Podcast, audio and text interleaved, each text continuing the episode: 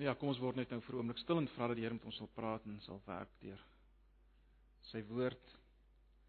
Sy woord wat hy vir ons moet uh, duidelik maak, verhelder deur sy gees. So kom ons kom na hom toe. Ag Here, ja, ons kom vra nou dat u met ons sal praat. Ons dankie dat ons u lof kon besing, dit wat ons gaan doen tot in alle ewigheid. Dankie dat ons nou kan in u teenwoordigheid kom. Here maak ons baie bewus daarvan dat ons werklik in u teenwoordigheid is. Want u is by u liggaam. U is waar twee of drie in u naam bymekaar is. Daar is u in hulle midde. Help ons om dit te vat. Maak ons bewus daarvan, ten spyte van ons eie swakhede, ten spyte van ons eie gebrokenheid. Help ons om die waarheid omhels dat U by ons is grond van wat U vir ons gedoen het in ons plek, ook vir oggend. So Here, ons vra, praat met ons, versterk ons, bemoedig ons en lanceer ons vir U. Ons vra dit in Jesus se naam. Amen.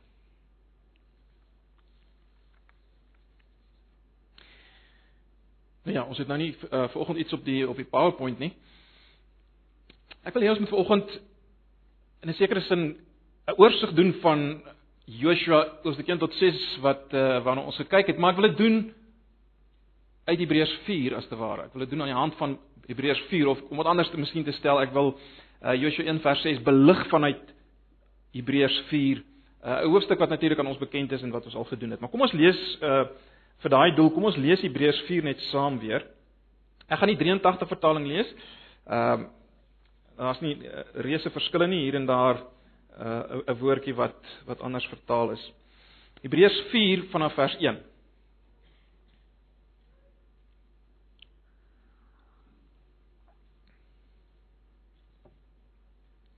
Nou ja, julle sal sien die woord rus kom baie voor en ek het ek en Jan het nou nie saam gesit en gedink oor wat ek nou sal preek nie, maar dit nou so uitgewerk. Hebreërs 4 vanaf vers 1. Terwyl die belofte om in sy rus in te gaan nog van krag is, moet ons oppas dat dit nie miskien later blyk dat een van julle agtergebly het nie. Ons het die blye boodskap, en dis soos die 83 dit vertaal en ek ek dink is is 'n goeie vertaling die 53 praat van uh, evangelie, maar jy sal sien evangelie natuurlik beteken blye boodskap en in hierdie konteks is dit beter om te praat van blye boodskap. Ons het die blye boodskap ontvang net soos hulle. Hy verwys na die verlede na die Israeliete. Maar hoewel hulle die prediking gehoor het, het hulle dit het dit hulle niks gebaat nie omdat hulle nie geglo het wat hulle gehoor het nie. Ons wat glo, gaan wel in die rus in, maar hulle nie soos God gesê het, toe ek in my toren en eet afgelê in my rus sal hulle beslis nie ingaan nie. En tog was sy werk na die skepping van die wêreld reeds afgehandel, want ergens in die skrif, dis vers 4, word van die sewende dag dit gesê en God het op die sewende dag gerus van al sy werk. Terwyl hier weer gesê word in my rus sal hulle beslis nie ingaan nie. Die wat vroeër die blye boodskap gehoor het, het dus vanweë hulle ongehoorsaamheid nie in sy rus ingegaan nie, maar vir sommige bly die moontlikheid bestaan om in sy rus in te gaan.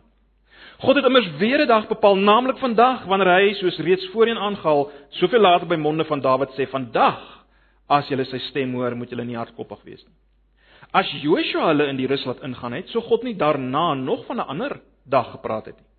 Daar wag dus nog steeds 'n Sabbatsrus vir die volk van God. Want elkeen wat in die rus van God ingaan, rus van sy werk net soos God van syne. Laat ons ons dan beywer om in daardie rus in te gaan sodat niemand hulle voor uh hulle voorbeeld van ongehoorsaamheid navolg en ook omkom nie.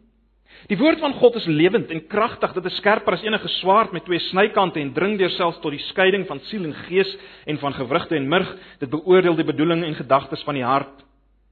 Daar is ook niks in die skepping wat vir God nou letterlik staan daar net vir hom onsigbaar is nie. Alles lê oop en bloot voor sy oë en aan hom moet ons rekenskap gee.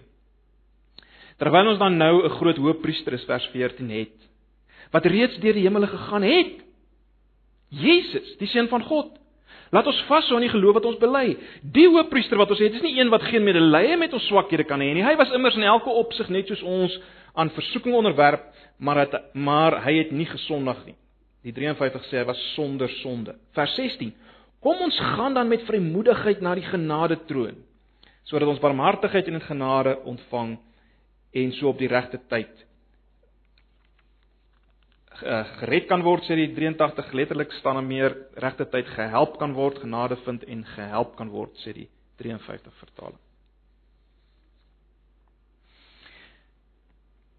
Nou broers en susters, ons het verlede Sondag mekaar gesê dat wat God hierdie jaar van ons soek, is spesifiek ons harte, daai diepste binneste jy.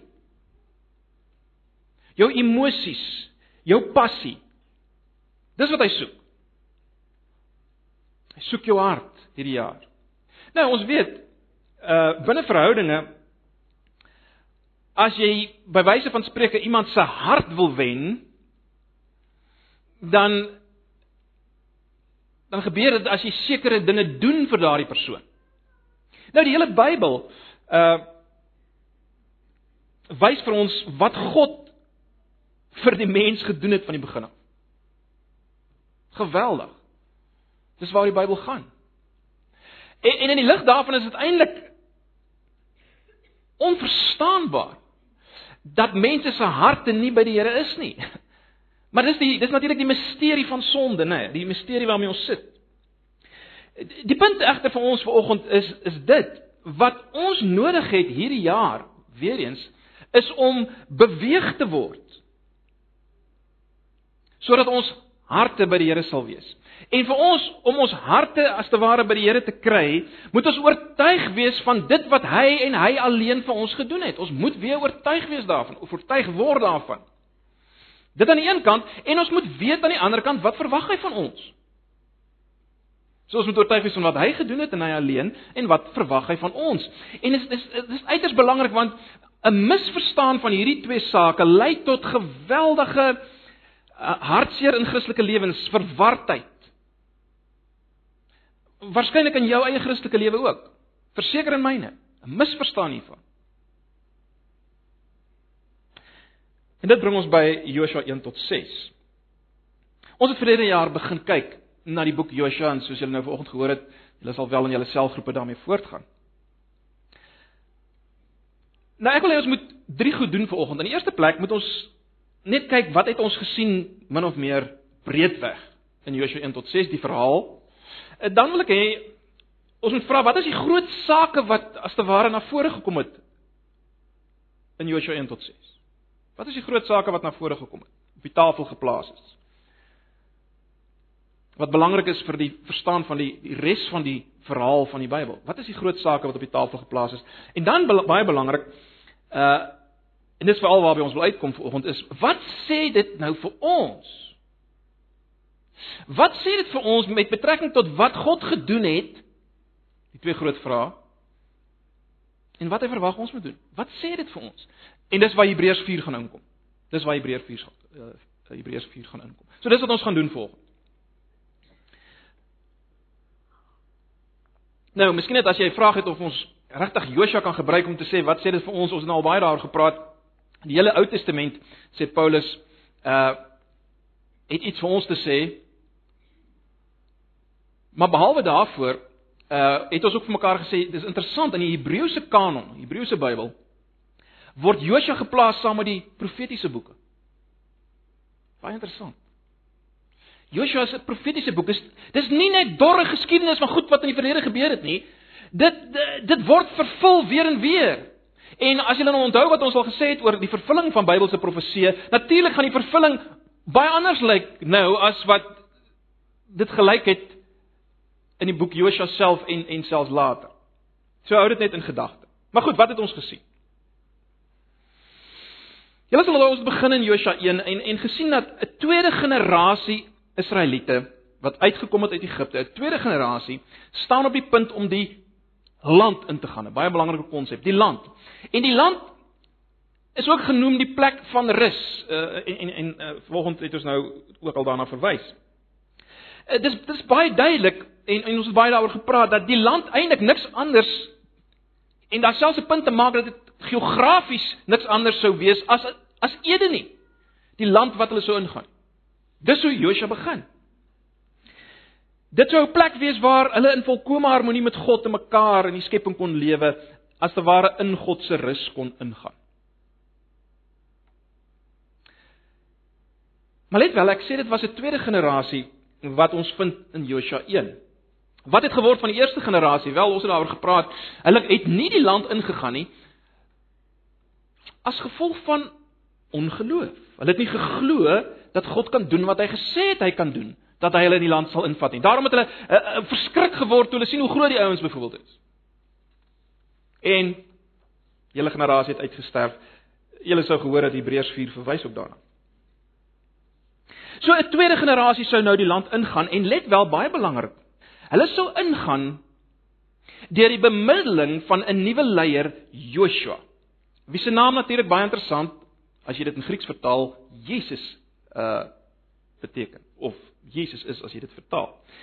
Deur hierdie Joshua se getrouheid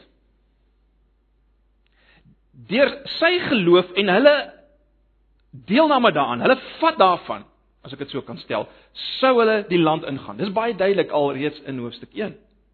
In hoofstuk 2 word die belangrikheid van hierdie hele saak van geloof beklemtoon deur 'n gedeelte wat in 'n sekere sin nie so belangrik is om eers in te sit daar nie. Die vloei van die verhaal sal nie verbreek word as jy dit uithaal nie. Maar hoofstuk 2 word ingesit want dit gaan oor geloof en spesifiek die geloof van Ragab. Die Kanaanitiese prostituut wat gehoor het van God en in die lig daarvan opgetree het en in die lig daarvan haarself gewerp het op sy barmhartigheid. Dis hoofstuk 2. In hoofstuk 3 het ons gesien hoe die volk details te plasies skryf, woord 'n woord kry van God deur middel van Josua oor hoe hulle die Jordaan moet kruis. Hoe hulle agter die ark moet aanstap. En hoe hulle droogvoet sal deurgaan en dan gebeur die wonder. Dis 'n geweldige hoofstuk daai dat hulle gestap droog vloeds deur die Jordaan wat in vloed is, presies soos God gesê het dit gaan gebeur. Presies soos God gesê het dit gaan gebeur, gebeur dit. God doen dit. Hulle het nie eintlik 'n bydrae gehad nie. Dit was hoofstuk 3 en hoofstuk 4 en 5 het ons gesien hoe die hele volk weer besny moes word. Met ander woorde, hulle moes die teken ontvang weer eens dat hulle God se volk is Die teken let wel dat hulle in die regte verhouding met God staan deur die geloof. Dis soos Hebreërs 4, dis wat ag uh, uh, ekskuus, dis wat Romeine 4 sê die besnydenis is. Paulus sê in Romeine 4 die besnydenis is die teken van die regverdigmaking deur die geloof. Baie interessant. Hulle moes dit ontvang. En daarmee saam moes hulle die Pasga vier. Die Pasga wat hulle herinner het aan die feit dat hulle deur die bloed van 'n eersgeborene bevry is uit Egipte uit. So hulle moes dit vier. Aan die einde van hoofstuk 5 net voor hulle Jerigo sou aanval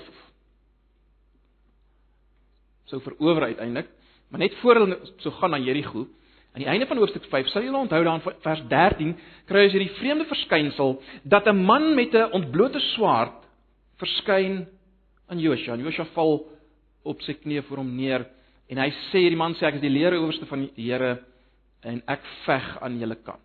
Baie vreemde gedeelte. En alhoewel hierdie man nie weer gesien word nie, as ons uiteindelik kom by Jerigo, dan is dit baie duidelik dat die oorwinning wat daar plaasvind het nie veel te maak met die volk se goeie strategie en hulle dapper uh, vegtery of wat ook al, 'n goeie hantering van hulle swaarde of wat ook al nie. Dit het alles daarmee te doen dat hulle maar net God op sy vreemde woord moes neem. Daar was 'n geveg, ja, verseker daar was 'n geveg. Maar geveg wat baie anders lyk as normale gevegte. Julle julle ken die gedeelte. So broers en susters, dit is nou baie vinnig in 'n volvlug oor oor die oor die eerste 6 hoofstukke. Wat is die kom ons kom ons vra nou, ons het nou net gekyk oorsigtelik. Wat is die groot sake wat as te ware hulle self na vore druk? Wel, verseker die hele kwessie van die land of dan die rus. Verseker die die hele kwessie van ingaan in hierdie land of rus.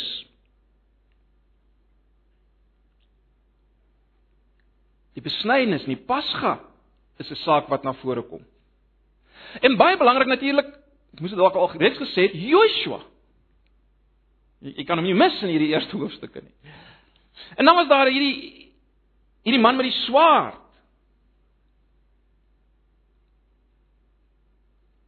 En die geveg. En oral het die woord van God gekom tot hulle. En dan natuurlik die hele saak van geloof wat jy nie kan mis nie, wat baie duidelik in hierdie gedeeltes is. So dis die groot sake wat wat na vore kom. Nou wil ek hê jy moet kyk na Hebreërs 4.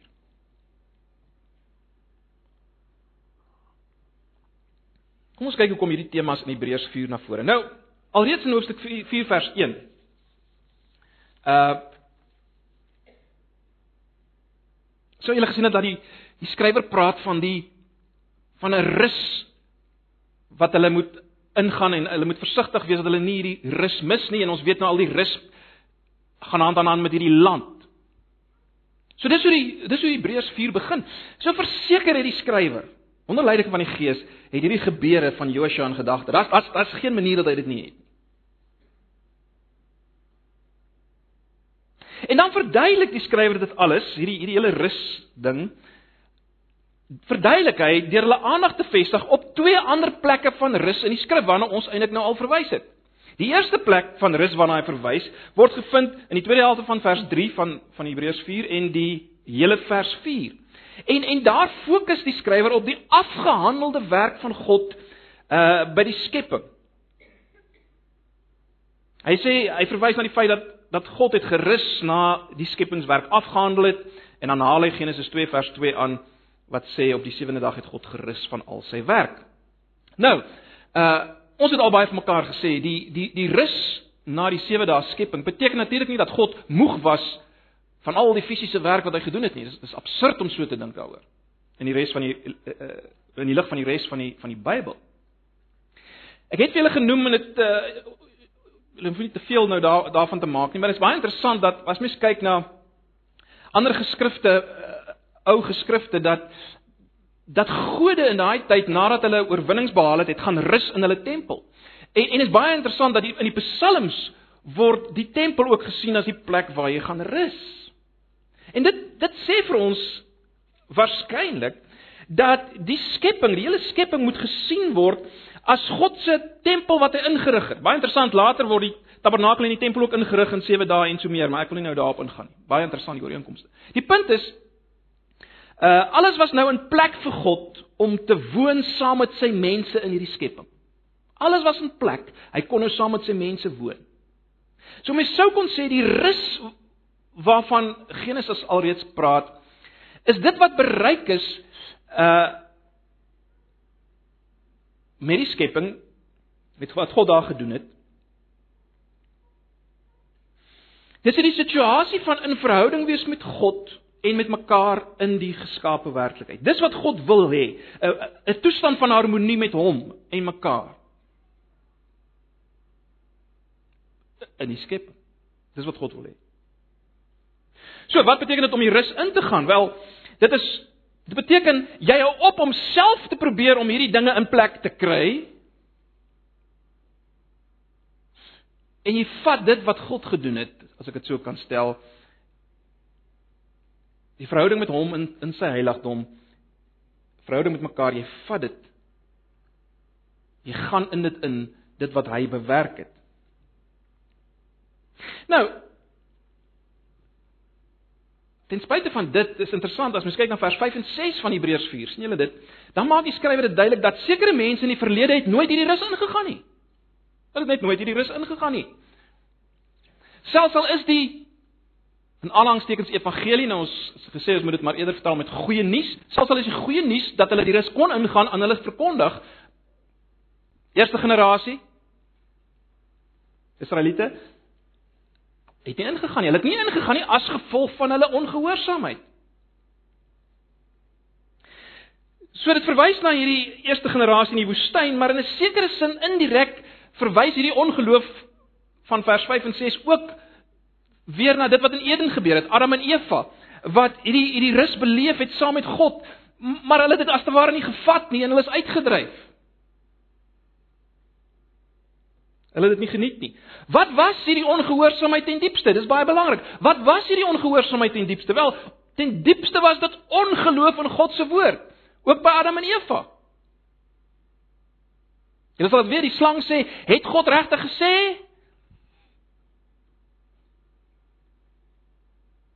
En dan begin die vrou twyfel. Dan is daar nie geloof in wat God gesê het nie. En dit lei tot optrede. So dis waarna die Hebreërs skrywer verwys. Nou Die volgende ding wat ek nou gaan sê word nie eksplisiet nou hier in Hebreërs 4 op hierdie punt gesê nie. Maar dit is belangrik om dit in gedagte te hou want dan maak vers 12 meer sin. Julle sal onthou net nadat die me, die mens God nie geglo het en nie op sy woord geneem het nie, sien ons in vers uh, eh, 24 van Genesis 3 dat Adam word uitgedryf uit hierdie plek van rus uit Eden. En hy kan nie weer teruggaan nie. Hoekom kan hy nie teruggaan nie? Want daar sou 'n man met 'n vlammende swaard. Engele met vlammende swaarde. Wat die ingang na die rus na Eden bewaak. Gaan gaan lees maar weer Genesis 3. So as Adam probeer het om terug te gaan, wel hy sou vernietig word. Hy kon nie weer ingaan nie. Adam het by wyse van spreuke iemand nodig gehad om hom te help om in te gaan as ek dit so kan stel. Adam het 'n het verseker 'n 'n bevryder nodig gehad as hy wou ingaan.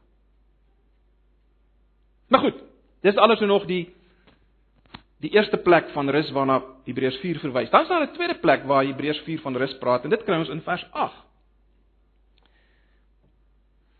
En daar verwys hy eksplisiet na die geskiedenis van Joshua. Hy verwys daarna dat Joshua nie vir die volk van God finale rus gegee het nie. Kyk, die eerste generasie het ons nou vir mekaar gesê het nie ingegaan nie as gevolg van ongeloof het hulle het nie ingegaan nie, maar die skrywer van Hebreërs sê dat selfs die ouens wat ingegaan het, het nog nie in die ware finale rus ingegaan nie. Hulle het nog nie in die finale rus ingegaan nie. Das das nog 'n ander dag, vers 8. Hebreërs 4 vers 8. So dit wat hulle ingegaan het in Kanaan was eintlik net 'n skaduwee afbeelding van iets wat nog moet kom. So dis belangrik. Dit was net 'n skets as te ware van iets wat nog moes kom. Maar nou baie belangrik. Ook in die gedeelte van Joshua. Net soos in die gedeelte na Genesis. Genesis 3. Ook in die gedeelte van Joshua ons het net nou daarna verwys. In Hoofstuk 5 vers 13, as hulle oor die deur die rivier is. Wat kry ons? 'n Man met 'n ontblote swaard. Wat hulle uiteindelik sou help om die rus in te gaan. Alhoewel dit dit was nog nie die finale rus nie, maar hierdie hierdie rus in die land. So dit dis wat ons moet onthou. Dis wat ons moet onthou. Kom ons dink nou oor die sogenaamde finale rus waarvan vers 11 praat uh wat as Hebreërs 4 sê, laat ons ons dan beywer om in te gaan die rus waarvan hy nou net gepraat het in vers 10, die finale rus wat jy rus van jou werke soos God van syne en so meer. Kom ons kyk na hierdie finale rus. Dis die rus wat God ons wil gee. Dis die rus wat hy van die skepping af bedoel het waar jy ophou met jou eie werke, jou eie dinge om hierdie rus te bereik en waar jy as te ware ingaan in dit wat hy gedoen het. Daai verhouding wat hy teweeggebring het uh deur wat hy gedoen het in die skepping. Hoe gaan God se mense in daai rus in volgens Hebreërs 4? Hoe gaan hulle daarin?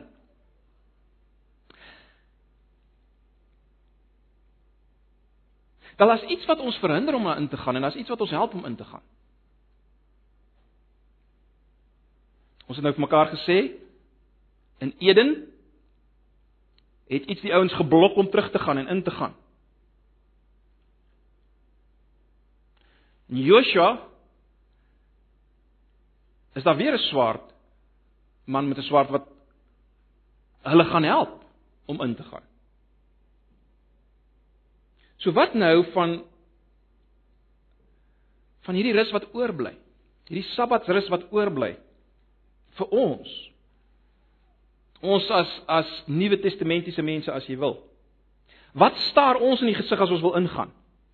Dis waar vers 12 inkom.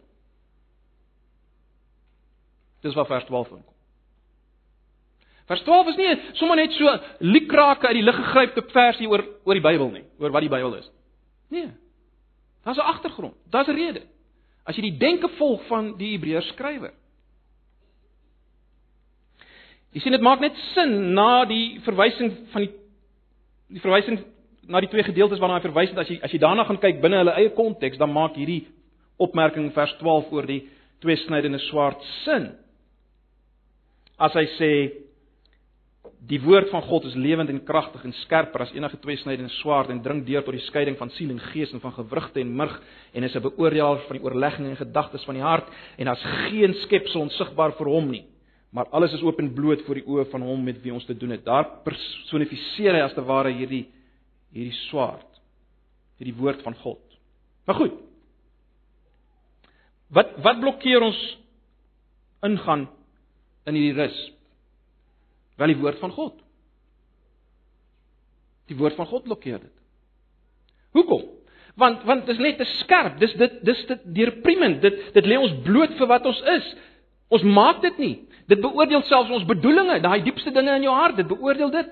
Dit dit dit, dit fokus nie net op uiterlike optrede nie. Daar's geen manier hoe jy kan wegkruip vir hierdie in aanhalingstekens regter nie. Jy kan nie, jy kan nie verbykom nie. Hy ken jou diepste gedagtes, hy ken jou bedoelings. En hierdie swaard rig meer skade aan as wat enige ander swaard kan aanrig. Dit sny nie net deur vleis nie. Hierdie hierdie swaard sny deur siel en gees gewrigte en murg tot in jou diepste wese. Daar's geen swaard soos hierdie nie. Jy kan nie wegkruip vir hierdie swaard nie. Dis waar vers 13 kom. Daar's geen skepsel onsigbaar vir hom nie. Uh hierdie hom word ook vertaal met God, maar jy sal agterkom dis amper hy, hy verpersonifiseer hierdie woord van God in hierdie hierdie swaard.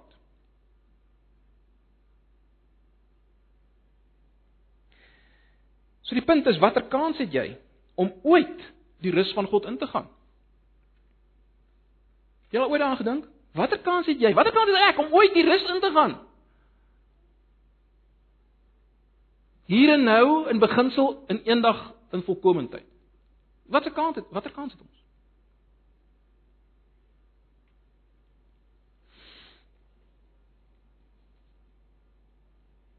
Omdat hierdie swaard op twee maniere werk. Dit oordeel ons as ek dit so kan stel. Dit wys ons wie ons is Maar juis deur dit te doen, help hierdie swaard ons ook. En dit bring ons by vers 14. Wat sê terwyl ons dan 'n groot hoëpriester het wat deur die hemele deurgegaan het. Let wel op die woorde, né? So hy het ingegaan. Hy het ingegaan. Naamlik Jesus die seun van God, laat ons die belydenis vashou. Broers en susters, dit is uiters belangrik. Ons het 'n hoëpriester wat deur die swaard van oordeel gestap het vir ons, wat reeds die rus ingegaan het in God se teenwoordigheid, dis waarvan vers 14 praat. Hy het in die heiligdom ingegaan. Hy het in die heiligdom alreeds ingegaan, daar waar God ons wil hê. En natuurlik is hy self die woord van God. Ek meen Hebreërs begin daarmee in Hebreërs 1 vers 1 en 2. Hy is die finale woord van God. En en dis hoe al die temas wat ons in in die eerste hoofstuk kry van Josua, die tema van die besnydenis en van die Pasga. Uh die bloed van van die eersgebore en al daai dinge. Dis hoe dit betekenis kry. Dit word as te ware alles saamgevat deur die term Hoëpriester Jesus. En dit wat hy gedoen het. Want Jesus het deur die swaard gegaan toe hy sterf aan die kruis, het die swaard hom as te ware deur priem Daar is hy as te ware afgesny uit die land van die lewenis, dit waarvoor die teken van die besnydenis, die teken eintlik gestaan het. Hy is afgesny, sy bloed het gevloei. Maar hy het opgestaan uit die dood. Dis die geweldig, hy het opgestaan uit die dood. Hy triomferend die plek van rus ingestap by wyse van spreek. Dis die hele punt in vers 14. Hy het ingegaan. Hy het ingegaan. So broers en susters, dit is belangrik om dit raak te sien. Adam kon nie die rus ingaan nie. Josua kon nie finale rus gee nie. Al was hy 'n afbeelding daarvan. Ons kan nie die rus ingaan nie. Jesus kon.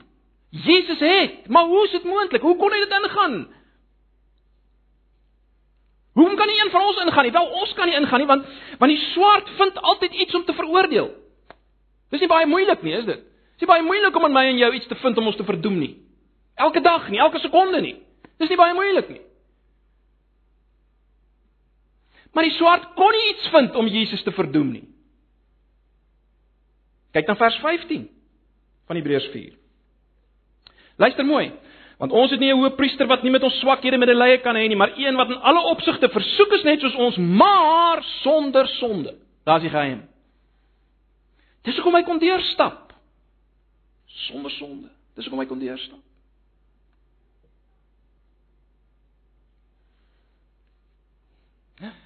Die woord van God by wyse van spreek kon niks vind om hom te ver te verdoem nie. En daarom kan ons volg deur die geloof, deur om te vat op op sy woord dat hy dit gedoen het. Want die offer het hy in ons plek gebring.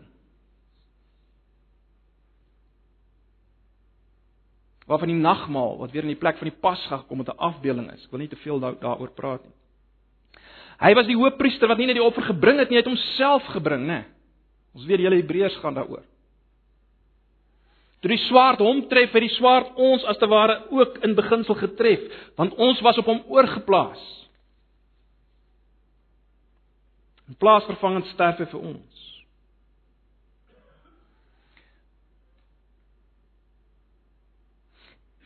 Maar ons het vir mekaar gesê hierdie hierdie swaard help ons ook. Net soos die die man met die swaard as te ware die volk gehelp het in hulle geveg. Hy help ons, hy help ons juis deur ons te dryf na Jesus, maar Jesus is ook soos Hebreërs self sê, die leidsman na die lewe. Hy vat ons verder. Hy stap saam met ons die pad. Hy veg verder saam met ons. Ons weet, die skrywer van die Hebreërs wil ons dryf na die laaste finale Joshua, Jesus toe. Hy het dit alles. So kom ons bring dit nog net nader aan ons lyf.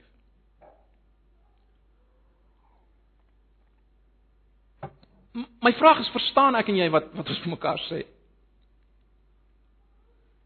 Is ons oortuig dat ons hierdie rus kan ingaan nou al in beginsel plek van in verhouding wees met God en mekaar in die geskape werklikheid en eendag volkome in die nuwe land?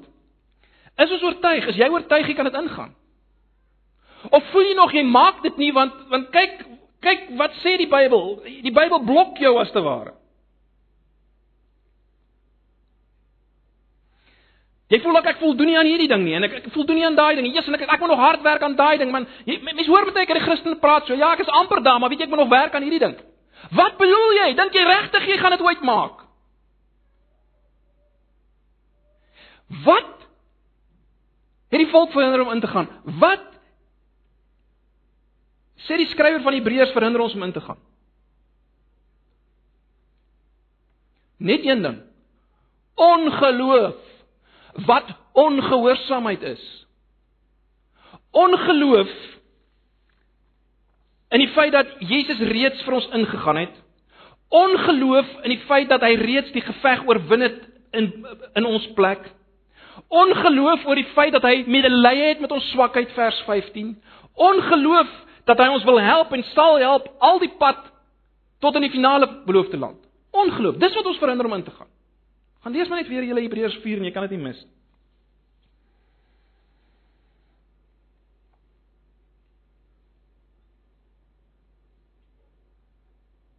Maar die belofte staan. Dis wat Hebreërs 4 vers 1 sê. Die belofte staan dat ons kan ingaan. Vers 7 van Hebreërs 4 maak dit baie duidelik. Vandag, nou as jy sy stem hoor, moenie jou hart verhard en sê ek kan nie ingaan nie. Ek gaan dit nie maak nie. Dit kan nie wees wat hy gedoen het nie. Vandag is sy stem hoor. Dis vers 7. Jy het nou sy stem gehoor. Niemand kan vanoggend sê ek het nie sy stem gehoor nie. Hy sê kom in.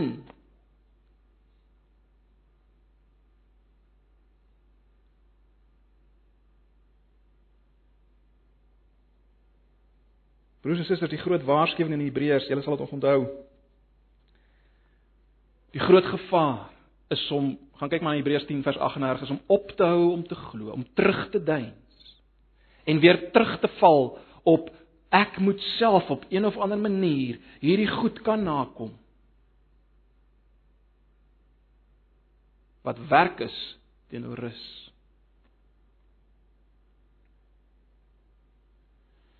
Wat is geloof? Wel Hebreërs maak dit baie duidelik, né? Nee, Dink aan Hebreërs 11 wat sê in vers vers 6 Geloof is 'n vaste vertroue op die dinge wat ons hoop of dit is vers 1.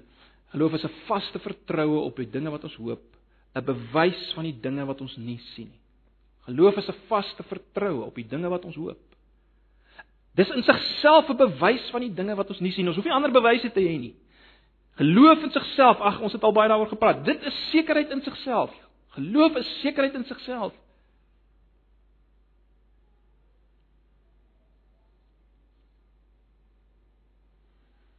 So vat dit.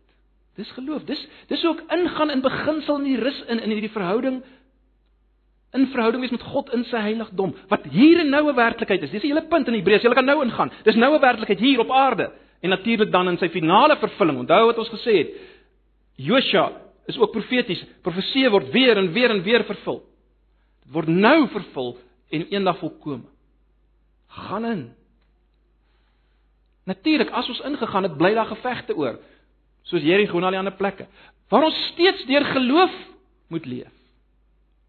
En baie belangrik en daarmee wil ek afsluit en dit sluit aan by wat nou heel aan die begin gepraat het. Vers 16, kyk net na vers 16 wat sê: "Laat ons dan met vrymoedigheid na die troon van genade of genade troon gaan, sodat ons barmhartigheid kan verkry en genade vind om op die regte tyd gehelp te word." Nou Die hele gedagte daar het verseker, ek ek wil nie nou daarop ingaan nie, maar die gedagte van die genade om na die genade troon te gaan Agter dit lê die gedagte van gebed.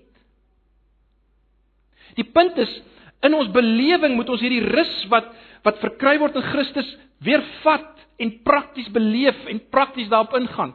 Uh baie interessant, as ons vinnig terugdink aan die Ou Testament. Die rus van die skepping, hoe's dit prakties beleef? Deur elke sewende dag te rus en die sewende jaar en die 50ste jaar. Waarna John ook verwys het. Moes hierdie rus prakties sigbaar word, die herstel, die die uitreik na ander, die heel maak. In die Nuwe Testament gee die Here Jesus die nagmaal om dit sigbaar te maak en tasbaar te maak. En gebed. En die gemeenskap met mekaar.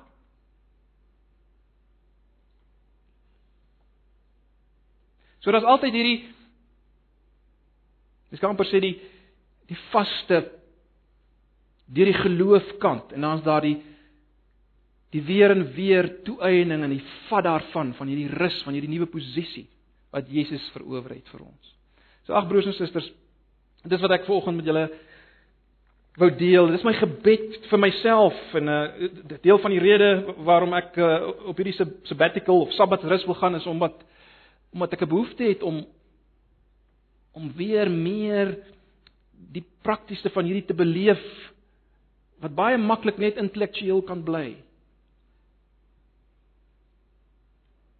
En ons vergeet van ons binneste. En ons harte wat dit moet vat en waar dit moet beleef word. Maar dis my gebed vir elkeen van ons dat ons hierdie jaar dit uh van hier af sal beweeg na hier.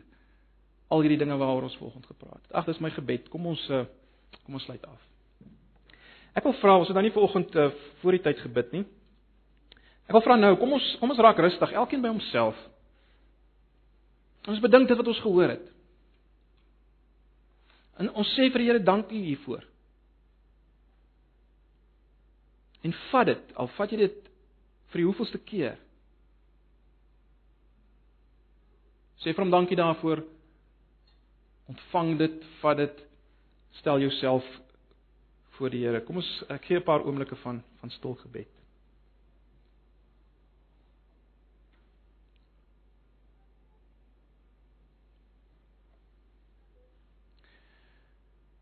Ja Here baie dankie vir u woord vanoggend. Dankie dat u self ten diepste die woord is. Die woord wat mens geword. Dankie dat u vanoggend die een is wat medelee het met ons swakhede. Dankie dat u die een is wat voor ons ingegaan het. Die swaard getrotseer het. En self die swaard is wat ons help. Ons eer U daarvoor. Here, dit is vir ons moeilik om om hierdie dinge regtig te vat deur die geloof en daarom bid ek dat U deur die Gees sal werk in my en in ons elkeen wat vir ons lewend te maak en werklik te maak, duidelik te maak. En ons groot begeerte is om om dit deel van ons alledaagse lewe te maak en dit te beleef in ons elke dag se lewe. Help ons, Here, help hom om tye van van rus en oordeenking, meditasie, gebed in te bou in ons lewens sodat ons kan leef vanuit hierdie waarhede en in die lig van hierdie waarhede. Asseblief. Ons vra dit in Jesus se naam. Mag nou die genade van ons Here Jesus en die liefde van God en die gemeenskap van sy Heilige Gees met julle wees en bly hierdie dag, die dag wat voorlê as julle gaan leef in die rus nou al en met die verwagting van die finale rus. Amen. pursue